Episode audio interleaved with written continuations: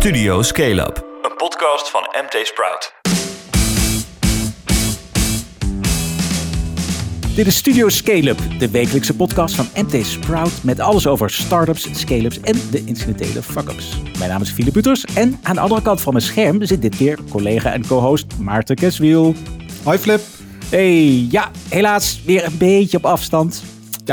Voor de goede zaak. Dus uh, stiekem best wel efficiënt toch? Hè, met twee audiospoortjes en die gaan straks zo uh, naar uh, onze monteur, Maurice. Ja, lekker. Ja, onze monteur. Ja, de, ja, die mag ook wel eens credits krijgen. Hè? Maurice de Zeeuw, dankjewel. Die doet de montage. Hij doet het zo goed dat ik dan achteraf hoor ik mezelf wel eens terug. En denk van, wauw, dat kwam er lekker vlot uit.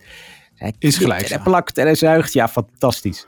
Hey, Dankjewel, maar, Maarten, we hebben allebei, behalve de kerstboom, opgezet. We hebben ook nog andere boompjes opgezet met interessante ondernemers, toch? Zeker weten. Uh, dit ja, zijn allebei. main topics van deze keer. Ja. Ali Niknam, uh, die wordt, jazeker, hypotheker. Met Tadaa. En Pieter Pot, de verpakkingsloze super, haalt eventjes 9 miljoen op. Als ze er maar geen potje van maken. Ach, te flauw. Oké, okay, kom, we gaan snel beginnen.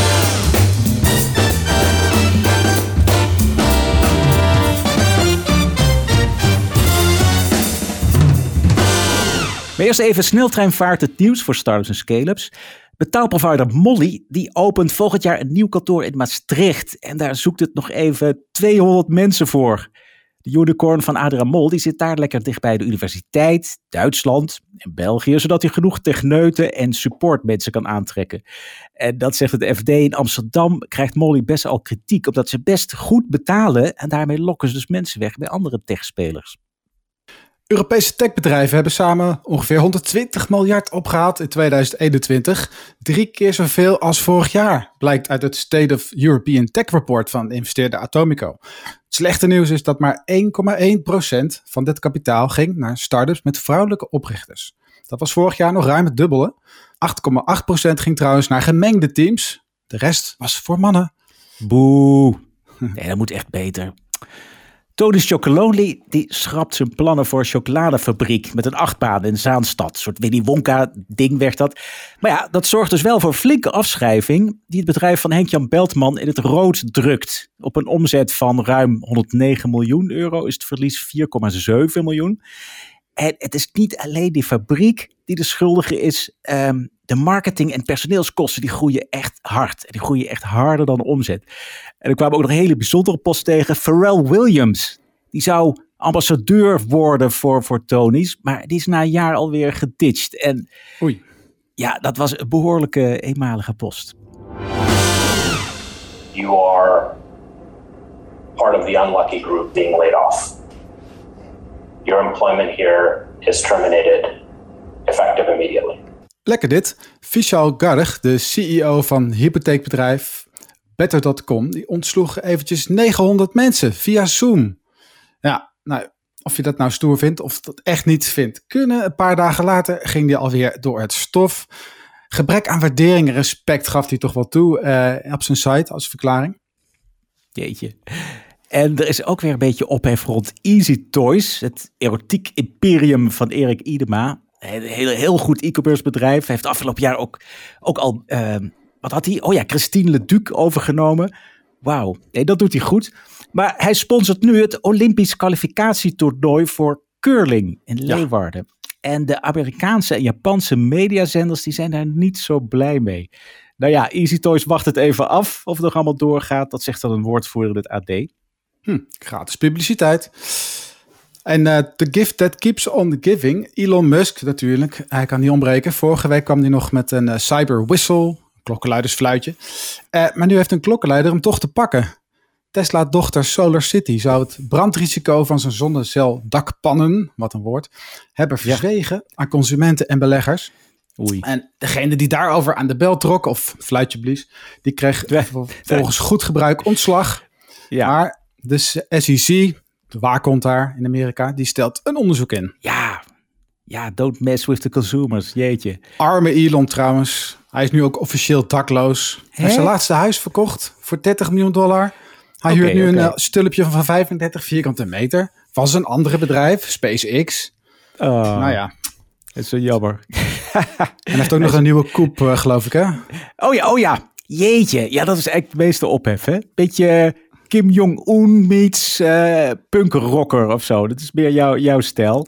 Het is uh, vrij anarchistisch, hè? Ja. Nou, en this just in, ik zat even te zoeken naar zijn haar, kwam ik op een of andere haarprofessional site. Die had het helemaal geanalyseerd. Die man heeft dus al jaren een, uh, een, een haartransplantatie. Hij was in de PayPal-tijd was hij al bijna kaal, zag je. Althans, nou ja, hij kreeg een heel hoog voorhoofd. Daar is nu niks meer van over. Dus juist dat, die pluk die nog nu boven op zijn uh, bol staat, de zijkant is dan helemaal weggeschoren. Juist dat spul bovenop, dat is ja, transplantatiespul. Nou ja. Disruptief. Misschien iets voor een nieuw bedrijf. Uh, ja. Ja, precies. De Hair Company. Hey, en is er nog geld opgehaald? Moeten door. Ja, zeker. Uh, even kort. Je leest natuurlijk uh, meer op, uitgebreid op MT Sprout. Carver, de driewieler, die kantelt in de bocht. Die heeft 1,8 miljoen opgehaald bij BNR Capital. Dat geld gaat naar werkkapitaal, innovatie. met de verkoop gaat het nog niet zo hard. Zouden nu 700 stuk zijn verkocht.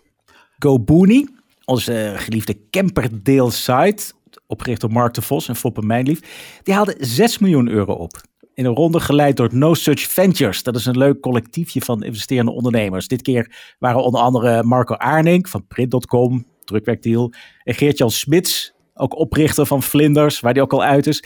Die deden mee. GoBooney die zegt dus marktleider te zijn in Nederland, België, Italië en Engeland. Dus nog voor Paul Kemper en, um, hoe heet die al ook alweer, waar ik klant ben. Um, Camp 2?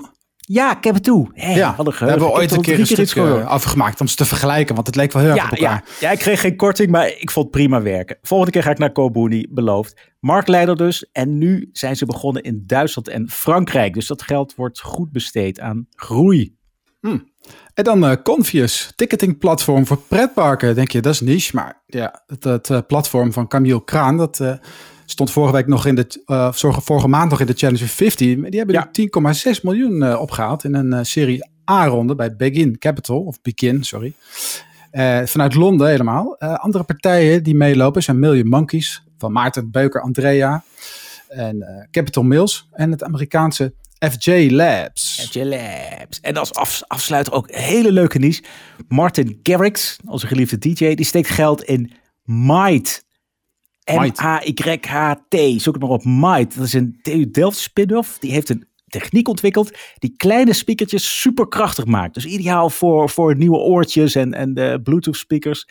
Nou, in totaal hebben ze nu 10 miljoen dollar opgehaald. Die laatste ronde is een paar miljoen. En naast Garrick stappen ook een Zweeds solarbedrijf in en een venture capital firma, Forward One. Forward One. Dat en de technologie wordt, ja, moet net zo standaard worden als Bluetooth, claimen ze. Hmm. Yes. Oké, Kaching, door naar het grote bier. Doen is uh, alle eenmalige verpakkingen besparen, dat wij het in grote bulkhoeveelheden binnenkrijgen. Dat vervolgens in een herbruikbare verpakking vullen. En dat vervolgens aan die klanten bezorgen. En bij de volgende bezorging nemen wij de lege potten weer mee terug. Onze visie is om het zo gemakkelijk mogelijk te maken en, en beschikbaar te maken om voor iedereen verpakkingsvrij te doen. Dat over vijf jaar niemand zegt, nee, verpakkingsvrij, dat is te veel moeite voor mij, dat kost te veel. En hopelijk dat andere merken ook gaan volgen. Maar uiteindelijk is het een beweging. Het hoeft niet alleen Pieter Pot te zijn. Maar het gaat erom dat straks steeds meer verpakkingen circulair in de schappen staan. Je hoorde Juri Schoenmaker en Martijn Bijmold... die hun verpakkingsvrije supermarkt Pieter Pot kunnen opschalen... dankzij een nieuwe investeringsronde van 9 miljoen euro. Verpakkingsvrij, dat betekent dus dat ze hun kruidenierswaren in glazen potten bezorgen. Bijvoorbeeld met ketchup en muesli. En dat de potten, als ze leeg zijn, weer retour gaan. Oké, een aardige pot met geld. Haha. Maar wie, uh, wie investeren eigenlijk, Maarten? Ja, dat is uh, ten eerste de Impact investeerder ETF Partners. Kennen ze nog niet, maar die zitten in, uh, in Engeland ook. Ze kwamen dus ook met de Eurostar. het codewoord was Eurostar ook, geloof ik, intern, oh ja, oh ja. zei Jury. Ja, dus niet met niet vliegen. Nee, nee, supergoed. En die zitten dus ook in de Modern Milkman. Dat kende ik ook niet. Dat is eigenlijk een soort Britse Pieter Pot. Hey. Um, nou, met die 9 miljoen komt de teller nu op uh, eh, 12,2 miljoen euro. En die Britten, die, ja, misschien willen die een soort combinatie maken of zo. Dat, dat Pieter Pot uh, opgaat in de Modern Milkman of, of andersom liever. Ja, dat zou mooi zijn dan. Nou ja, is gewoon even afwachten. Hoor je het hier als eerste? Ja, voorlopig zullen ze nog, nog genoeg groeiplannen hebben. Want waarvoor gaat het uh, geld precies gebruikt worden? Oeh, ja, het is kapitaalintensief. ze moeten bijvoorbeeld ook een nieuwe pot maken. Denk je, ja, schoon glas, maar ze willen een standaardmaat ontwikkelen. Eigen- Die overal in kan, in CBL-kratten. Dus dat het mee kan met andere ja, logistieke eh, industrieën. En het doel is omdat ze, dat ze daarmee ook grotere producenten makkelijker kunnen aanhaken. En ook supermarkten of online supers zoals Picnic en Gorilla's makkelijker kunnen instappen. Ja. Eh, Gorilla's En- wordt trouwens wel een uitdaging hoor met die potten. Dat, eh, dat gaf Jury ook wel toe. Dat is eh, niet makkelijk op zo'n fiets. Dat gaat rammelen in, in al die fietsjes. Ja, want het klinkt nogal ingewikkeld, toch? Dus moet je een eigen pot ontwikkelen. Dan moet je die, ja, de leveranciers overhalen. Dat ze in bulk dingen leveren die aan die potten. Je moet ze ook weer terughalen en schoonmaken. Hoe, hoe doen ze Ja. dat? Bezorgen ze zelf? Dat is een wasstraat hebben ze daarvoor. Dat is ook best wel een investering. Dus ze hebben een distributiecentrum waar je de spullen opslaat. Waar je ze ook met sociale werkplaatsen worden ze gevuld.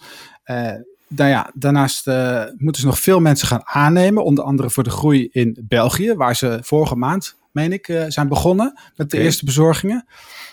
En dan willen ze na- daarna, daarna nog een land pakken. Misschien wordt het Duitsland, net als Picnic naar de Oosterburen ging al eerder. Ja, en, de Gorilla en Picnic, die, die kunnen zelf bezorgen. Maar andere klanten, die versturen het per post of zo. Of hebben ze andere eh, Ja. van die last mile partijen die ze inschakelen? Of, of doen ze het zelf? Nou, ze zijn eh, niet van plan om echt zelf bezorgd te worden. Picnic wil zet echt in op die infrastructuur, het zelf bezorgen, Ja. de karretjes en dergelijke. Pieter Pot zegt, we willen eigenlijk vooral die, die achterkant goed eerst goed krijgen. Dat systeem van eh, dat in bulk leveren van producten in potten. Ze zijn eerst bij Cycloon langs gegaan, die fietscouriers. Ja, ja. Eh, tuurlijk super duurzaam, maar die hadden het te druk, zeiden ze. Konden we er niet bij hebben, die potten. Zijn uiteindelijk met PostNL in zee gegaan. Echt. Dus En, ze, ja. worden gewoon op de post gedaan. Die dozen Ja. met potten. Het Jeetje, voordeel is dat ze daardoor in één keer dit door het hele land kunnen bezorgen. Het maakt niet zoveel uit waar je woont. Ja, dat wel. En het bederft niet. En het, het gaat niet stuk. Het lijkt me wel zwaar. Maar en hoe goed loopt dat dan? He- hoeveel, eh, hoeveel klanten hebben ze bijvoorbeeld die, die regelmatig iets eh, bestellen? Eh, ja, omzetcijfers hebben we niet. We hebben wel het aantal mensen dat een account heeft aangemaakt. Die zijn dus ook allemaal gaan aanmelden. Die zijn op een wachtlijst gekomen. De- Dan worden ze toegelaten. Het zijn er 70.000 nu die daar Ja. eh, van gebruik kunnen maken. Het Ja. zijn, we moeten een beetje opletten. Het zijn niet allemaal klanten. Eh, gaf Jury Schoenmaker ook toe. Aantal mensen zien nog te hoge drempels. Bijvoorbeeld dat het assortiment nog niet super groot is. dat het relatief prijzig is vergeleken met andere boodschappen. Dus het assortiment groeit, maar En hij, hij noemt geen aantallen. Hij, hij kan niet zeggen hoeveel potten die per maand doet of zo. En hoeveel regelmatige. Niet users. exact. Ik kreeg wel eh, een beetje een idee van eh, dat er dus drie vrachtwagens per dag van PostNL eh eh, voorrijden om Ja. al die potten in te laden. Nou ja. Oké. Ja. Nou, Ze hebben het druk. Ja, precies. En, en ehm, oké, dus de vraag aan de klantzijde. We- weten zij ook grote merken te porren? Dus eh, ja, Ja. ketchup in een pot, hagelslag in een pot. eh, wat, wat past er allemaal in een pot? eh? en wil je het wel met je, met je mooie, dure merk? Ja, precies. Dat is de vraag. Toch hebben ze Heinz ketchup bijvoorbeeld gestrikt. Die, die dat in een pot doen, die ketchup. Eh verkade koekjes zitten er al in. Dat was een doorbraak. Andere bedrijven gaan wat langzamer. PepsiCo bijvoorbeeld heeft chips. Eh, dat is best wel lastig om zo'n grote producent aan, te, te onboarden, om die productielijnen aan te passen. Waar ga je dat dan inladen? Nou, de strategie van Pieter Pot is om die merken te overtuigen, moet je eerst zoveel mogelijk massa creëren. Lawaai maken, zei Jury. eh, laten zien dat er vraag is. En dan komen die producenten, zegt hij wel, naar je toe eigenlijk. Ja, als ze niet meer om je heen kunnen. Ja, ja misschien wel. Dus het, het blijft eh, praten en, en, en, en die partijen verleiden. En ik neem aan, in de tussentijd gaan ze dan gewoon naar de slieger of zo. Gaan ze gewoon eh, van die horeca eh, bulkverpakkingen en zelf inkopen en, en verdelen over al die potjes. Ja, het deel blijft eh, een beetje een soort van huismerk of zo. Bijvoorbeeld de olijfolie, die komt dan in klotsende vaten van duizenden liter komen die aan. En dan wordt het afgevuld in kleinere flesjes. Ja, weet je, het klinkt super sympathiek. Maar ik heb ook het idee, als ze nu al naar België gaan, ze gaan best snel, toch? Ze gaan Ja. nu al dus naar het buitenland. Dat, ja, tikkie snel, of niet? Kun je je afvragen, want je hebt bij start-ups natuurlijk altijd de vraag van wanneer is het goede moment? Is het niet te vroeg? Het is natuurlijk het is leuk dat je kan zeggen dat je, dat je internationaal groeit, dat, dat je ambitie toont.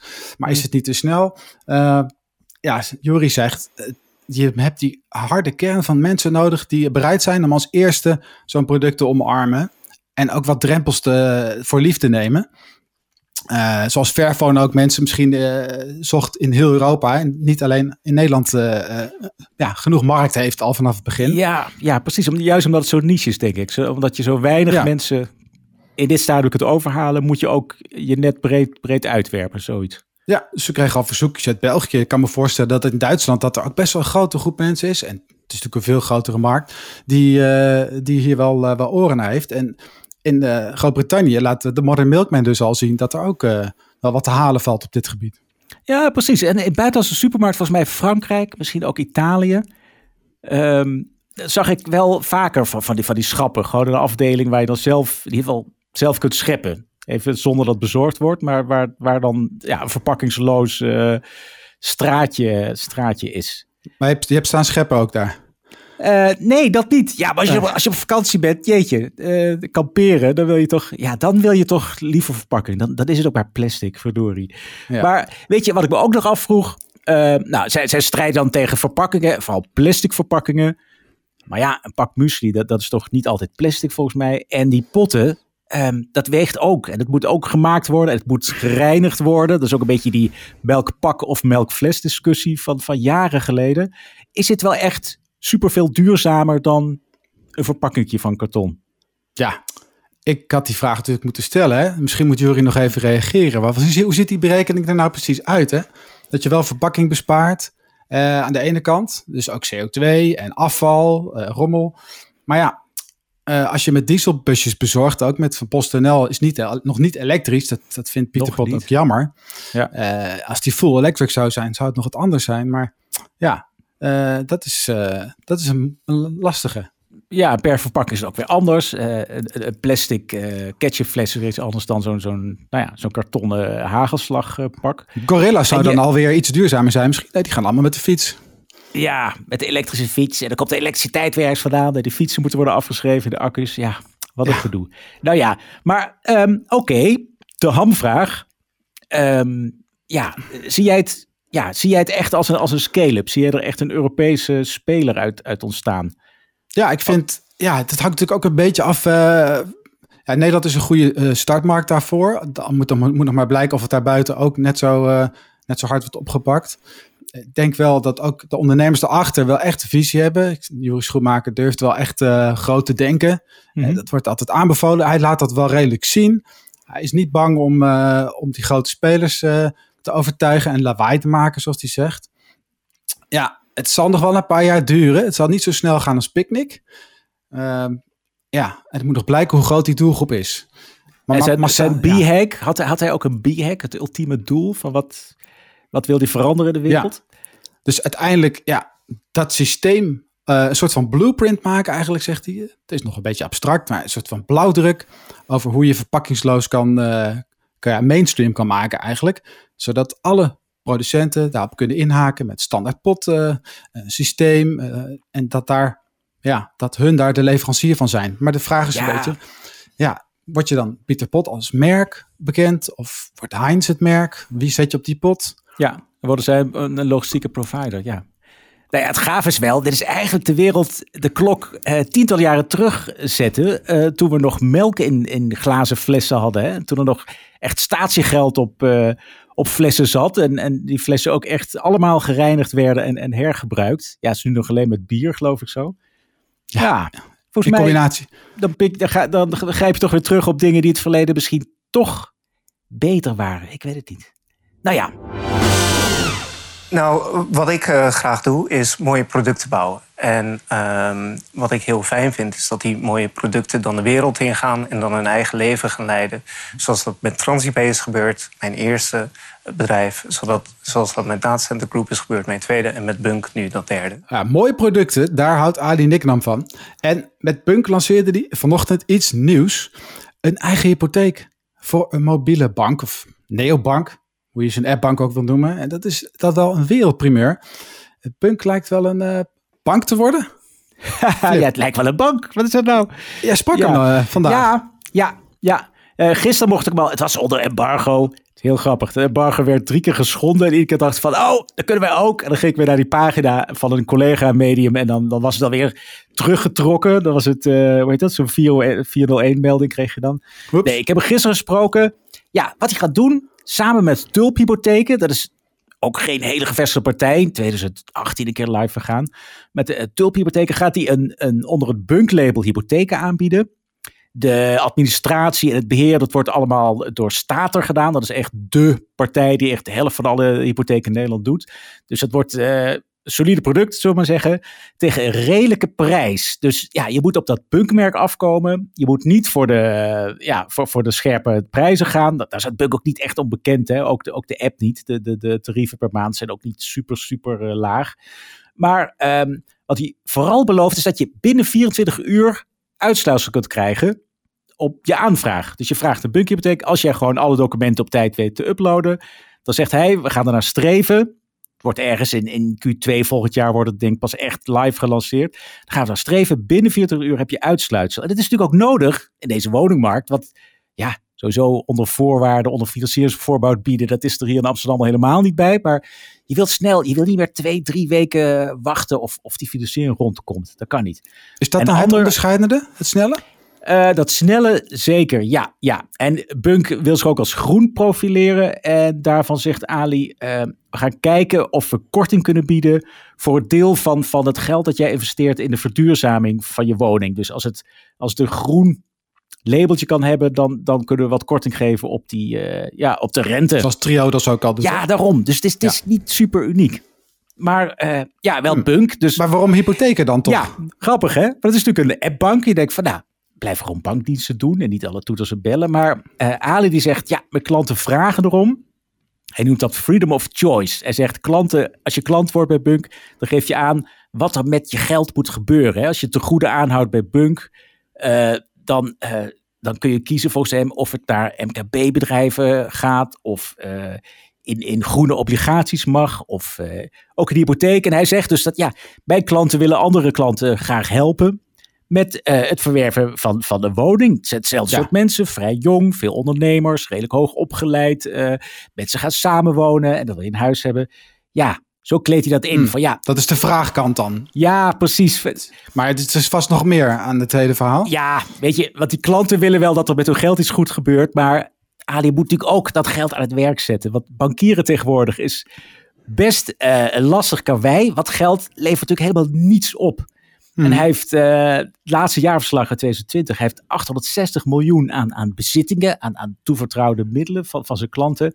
En um, daarvan, ja, als je, dat, als je daar niks mee doet, als je het moet stallen bij de, de centrale banken, DNB, ECB, dan betaal je daarvoor. Vorig jaar had hij 400 miljoen over, zeg maar, wat liquide was, wat daar stond te, te rotten bij de ECB. Nou, daar betaalde hij meer dan 2 miljoen euro voor. Dus dat geld ja, daar moet je iets mee doen. Anders dan, dan, dan kost het alleen maar geld. En vorig jaar heeft hij al een eerste stap genomen. Ook in hypotheken. Toen is hij gaan investeren in hypotheken. Grote pakketten van AZER en de Nationale Nederlanden Investment Partners. Dus hij heeft toen indirect geïnvesteerd uh, voor ik geloof 386 miljoen uh, euro Hmm, bij elkaar. Een soort aan, collateralized aan, uh, debt obligation-achtige dingen worden dat? Zoals uh, nee, voor gewoon de net, net, nee, gewoon nette hypotheken. Ah. Nee, gewoon echt nette hypotheken, één op één. En ook in de boeken staat, uh, de rentevergoedingen op die hypotheken lopen uiteen, nou, lopen op tot 2,97 procent. Dus je verdient ook niet de hoofdprijs aan. Maar nee, dit, dit is gewoon echt woninghypotheken van AZR en een IP gewoon, gewoon eerstehands hypotheken. Geen, geen en dat brengt, keer herverpakte en, shit. Nee, precies. Dat brengt dus geld op. Ja, dus tegen de 3 procent. Um, dat is één manier om het geld uit werk te zetten. En hij zegt, ja, mijn klanten willen ook aan MKB-ondernemingen geld uitlenen. Uh, nou, dat treft, want hij heeft natuurlijk dit jaar die enorme klapper gemaakt. Die deal met uh, Pollen Street Capital, die Britse uh, private equity partij. Ja, ja, Polle, dat is die deal. Die is vorige week, heeft hij er echt uh, definitief goedkeuring voor gekregen van DNB. Was ook erg blij mee, zei hij. Heel trots op dat het is gelukt. Um, het was uh, Pollen Street Capital, die investeert op papier 193 miljoen in, in Bunk. Daar zit ook alweer 25 miljoen van Ali bij.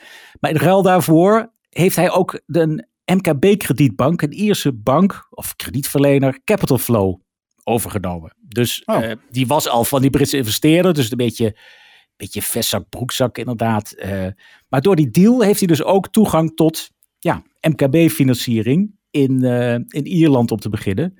Dus dat, eh, zo maakt hij zijn balans ook lichter. Zo heeft hij, hoeft hij minder geld te stallen bij die centrale banken en kan hij meer aan hypotheken en aan MKB-leningen uitzetten. Ja, geld dat dan geld oplevert. Mm. Maar een beetje vestzak, broekzak idee? Ja, ja, die deal was, uh, hij zei ook van ja, het was wel echt op zijn bunks die deal. Mensen snapten het niet meteen. Maar uh, dus die Britten die, die maakten geld over, maar brachten in ruil daarvoor in, in, ja, in Natura zeg maar die Ierse bank uh, in. Ali zelf legde ook de geld op. Nou, per saldo heeft Bunk 52 miljoen aan vers kapitaal binnengehaald met die deal. En, wat natuurlijk heel interessant was, die deal gaf Bunk een waarde van 1,6 miljard euro. Dus unicorn. sinds die deal is Bunk officieel, ook weer op papier, een unicorn. Hm. Jee, en dan net voor zijn veertigste, hè? Volgens hij altijd van voor mijn veertigste wil ik een ton verdienen. Nee, ja. voor je veertigste wil je unicorn ondernemer zijn. Nou, dat is Ali gelukt. Gefeliciteerd. Ja. En uh, als we dan allemaal zo'n Bunk-hypotheek nemen massaal, krijgt uh, Ali dan ook meer geld? Ja, dan, dan verdient hij geld op het geld van zijn klanten. Maar ja, daar is hij wel bescheiden over. Um, het, het, hoeft niet zo vaar te lopen. Hij zegt, wat hij in het begin ook zei, van we willen vooral mooie producten waar vraag naar is. We willen klanten blij en, en, en tevreden maken. Dus uh, als dit nou goed gaat lopen, is het mooi. Maar, en dat kan ik me ook niet voorstellen, dat hij morgen al uh, 400 miljoen euro aan, aan hypotheken rechtstreeks uh, kan wegzetten. Want je moet niet nee. vergeten dat balanstotaal, dat, dat, daar zit best wel lekkere groei in hoor. Dat is uh, vorig jaar, ja, volgens mij met meer dan, ik geloof 80% gegroeid. Uh, uh, toen stond de meter op, op 800 zoveel. In april van dit jaar ging hij al over het miljard. Dus als hij zo doorgroeit, dan, ja, het geld klotst tegen de plinten, zo gezegd. En de enige inkomsten die anders heeft, behalve die renteinkomsten, zijn natuurlijk de, de fees van klanten. Dat was vorig ja. jaar 16 miljoen. Dat loopt ook op. Maar ja, bankieren is best lastig hoor, met die lage rentes. En hij gaat wel ook internationaal natuurlijk, al een tijdje. En, maar hij is nog steeds een kleintje, toch? Tussen al die, uh, die neobank fintechs. Ja, ja. Ik heb een beetje zitten, zitten vragen van hoeveel klanten heb je nou? Ja, daar zegt hij niks over. Staat ook niet het jaarverslag, het aantal klanten. Dat zeggen ze zegt nooit, op, hè? Nee. nee. Twee dossiers zegt hij. Uh, mijn aantal klanten en wat ik mijn mensen betaal. Daar zeg ik niks over. Ja, dat laatste, dat, dat schijnt dat hij niet zo super goed betaalt. Maar ja, hij heeft dan ook een leuk bedrijf. Maar um, hij groeit. Hij groeit ook in het buitenland. Maar bijvoorbeeld zo'n N26, N26 en 26, ik weet niet, de Duitse bank, hè, die is ruim zeven keer zo groot. Heb je ook uh, Revolut, dat is ook Brits geloof ik, hè? ook zo'n Europese speler. Gigantisch. Dus uh, genoeg mobiele banken. Daarbij vergeleken is Punk dan een, een kleintje. Maar hij is toch echt serieus in Duitsland en Frankrijk heeft hij kantoren. En hij zegt, in Duitsland ga ik toch echt die marketing langzaam maar zeker opvoeren. Naarmate uh, mensen Bunk daar snappen. Uh, ja, dus hmm. Duitsland wordt wel echt een, een, een offensiefje. Dat wordt echt een, uh, het volgende land waar Bunk echt, echt serieus ja. aanwezig moet zijn. Ja. Jetse Groen achterna. En uh, zou jij een hypotheek durven nemen bij, bij Bunk? Of Bunk? Ja. Bunk! Ja, maar, ja, ja, ja, nee, dan moet ik denken aan uh, die klachten die er regelmatig zijn hè, over punk. Je hebt op, op Reddit zo'n forum waar het echt, ja, weet je, maar alleen als er iets misgaat, klagen mensen. Dus op Reddit stroomt het over van iedere keer als er een nieuwe release van de app is, dan ja, zijn mensen wel alle knopjes kwijt of er zitten te veel social toeters en bellen aan.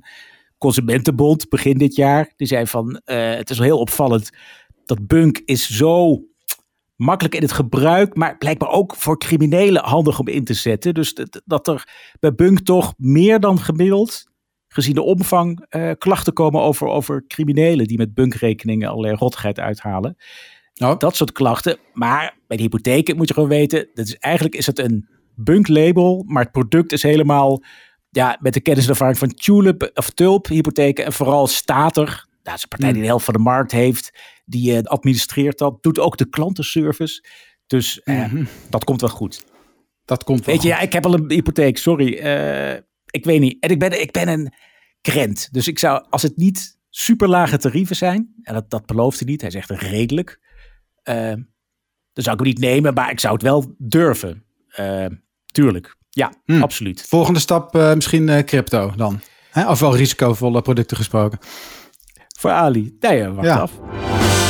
Dit was Studio Scale-up, aflevering 34. Vergeet je niet te abonneren op Spotify of je favoriete podcast-app.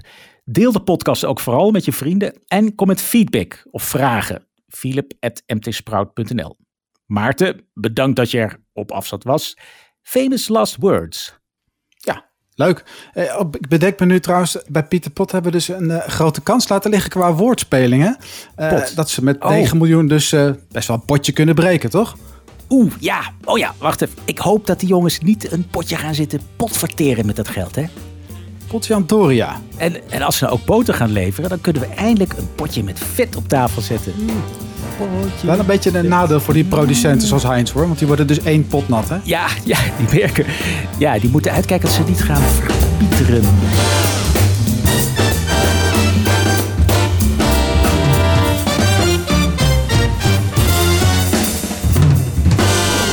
Pot verwijten ketel.